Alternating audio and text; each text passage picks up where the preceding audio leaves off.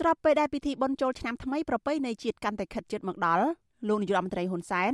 បានចេញសារលិខិតជូនពរព្រះមហាក្សត្រមន្ត្រីរាជការកងកម្លាំងប្រដាប់អាវុធនិងប្រជាពលរដ្ឋទូទៅ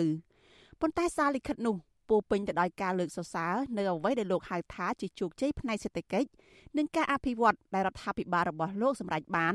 ហើយក៏មានដែរនៅការកំចាត់ចោលក្រុមអ្នកនយោបាយបកប្រឆាំងលោកហ៊ុនសែនបានរៀបរាប់នៅក្នុងសារនោះថា នៅឆ្នាំឆ្លូវខាងមុខនេះ របបរបស់លោក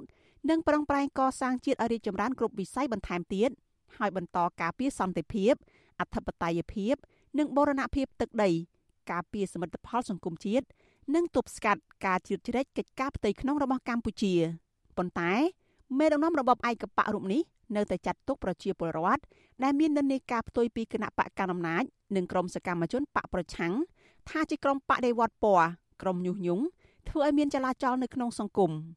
លោកហ៊ុនសែនបានព្រមាននៅក្នុងលិខិតនោះទៀតថារបបរបស់លោកនឹងទប់ស្កាត់គ្រប់បែបយ៉ាងមិនឲ្យក្រុមទាំងនេះ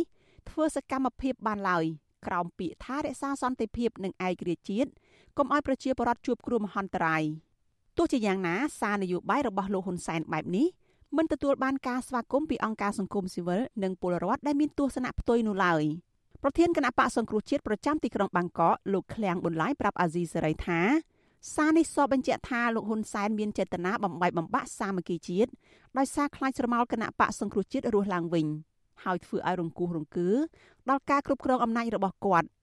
មន្ត្រីបកប្រឆាំងរូបនេះបញ្ជាក់ថាសកម្មភាពរបស់ក្រមប្រជាពលរដ្ឋដែលមាននិន្នាការផ្ទុយពីគណៈបកកណ្ដាលអំណាចនោះជាការចូលរួម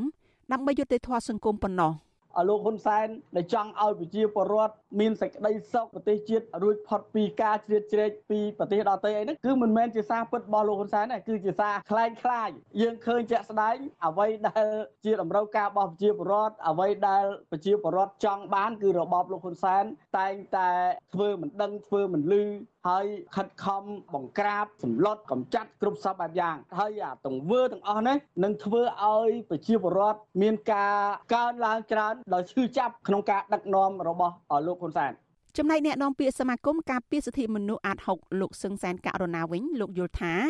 ក្នុងឱកាសចូលឆ្នាំថ្មីនេះមេដឹកនាំគណៈបកកណ្ដាលអំណាចនិងបកប្រឆាំងគួរតែផ្ញើសារជូនដល់គ្នាទៅវិញទៅមក ដើម្បីឲ្យមានបរិយាកាសសង្គមនិងនយោបាយ បានល្អប្រសើរជាងឆ្នាំចាស់មន្ត្រីសង្គមស៊ីវិលរូបនេះព្រួយបារម្ភថាសាររបស់លោកហ៊ុនសែននេះនឹងធ្វើឲ្យសម្ពាធផ្សេងផ្សេងកើតមាននៅក្នុងឆ្នាំថ្មីនេះបន្តទៀតទៅលើកម្ពុជាដែលអាចធ្វើឲ្យប៉ះពាល់ដល់ប្រជាពលរដ្ឋសេដ្ឋកិច្ចនិងការរីកចម្រើនរបស់ជាតិមិនថាចូលឆ្នាំនឹងឬក៏ទៅឆ្នាំខាងមុខក៏ដោយគឺយើងមិនចង់ឃើញនៅរូបភាពកើតឡើងនៅដដែលដដែលនេះចំពោះសង្គមកម្ពុជាទេយើងចង់ឃើញកម្ពុជាមានប្រព័ន្ធប្រជាធិបតេយ្យមួយត្រឹមត្រូវប្រកួតប្រជែងគ្នា ដោយមានការយោគយល់គ្នាអ្នកឈ្នះឈ្នះដោយភាពថ្លៃថ្នូរអ្នកចាញ់ចាញ់ដោយអស់ចិត្តអញ្ចឹងទៅហើយពលរដ្ឋរស់នៅក្នុងសង្គមក៏អាចប្រើប្រាស់សិទ្ធិរបស់គាត់ដោយសេរីទៅតាមរដ្ឋធម្មនុញ្ញនិងកតិកាសញ្ញាអន្តរជាតិអីទាំងអស់ហ្នឹងហើយរដ្ឋបានធានាទៅលើសិទ្ធិទាំងអស់ហ្នឹងអាហ្នឹងគឺជាអ្វីដែលយើងចង់ឃើញណាបាទរីឯអ្នកវិភាគនយោបាយដែលកំពុងភៀសខ្លួននៅប្រទេសហ្វាំងឡង់លោកកឹមសុខវិញលោកមានប្រសាសន៍ថាសារជូនពររបស់លោកហ៊ុនសែននេះ គឺជាការលួងចិត្តប្រជាពលរដ្ឋដែលកំពុងរស់នៅក្នុងភាពតោកយ៉ាកដោយសារតែការបាត់បង់ប្រាក់ចំណូលបណ្ដាលមកពីការរាលដាលនៃជំងឺ Covid-19 ហើយរដ្ឋាភិបាលគ្មានដំណោះស្រាយអ្វីជូនដល់ប្រជាពលរដ្ឋនោះទេលោកបញ្ជាក់ថាបុណ្យចូលឆ្នាំថ្មី ជាឱកាសល្អដែលលោកហ៊ុនសែនគួរតែផ្ញើសារបែបផ្សះផ្សាជាតិដើម្បីបម្រើផលប្រយោជន៍របស់ប្រជាពលរដ្ឋនិងស្ដារសេដ្ឋកិច្ចជាតិឡើងវិញ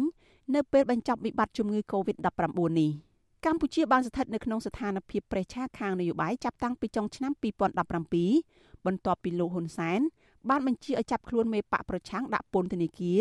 និងរំលាយគណៈបកសង្គ្រោះជាតិដើម្បីឈានទៅក្រសោបយកអំណាចរដ្ឋទាំងអស់យកមកកាន់កាប់ផ្ដាច់មុខតែម្នាក់ឯង។ក្រុមអ្នកសង្កេតការណ៍វាតម្លៃថានយោបាយបែបនេះចំណេញដល់ការក្រាញអំណាចរបស់លោកហ៊ុនសែនក៏ប៉ុន្តែ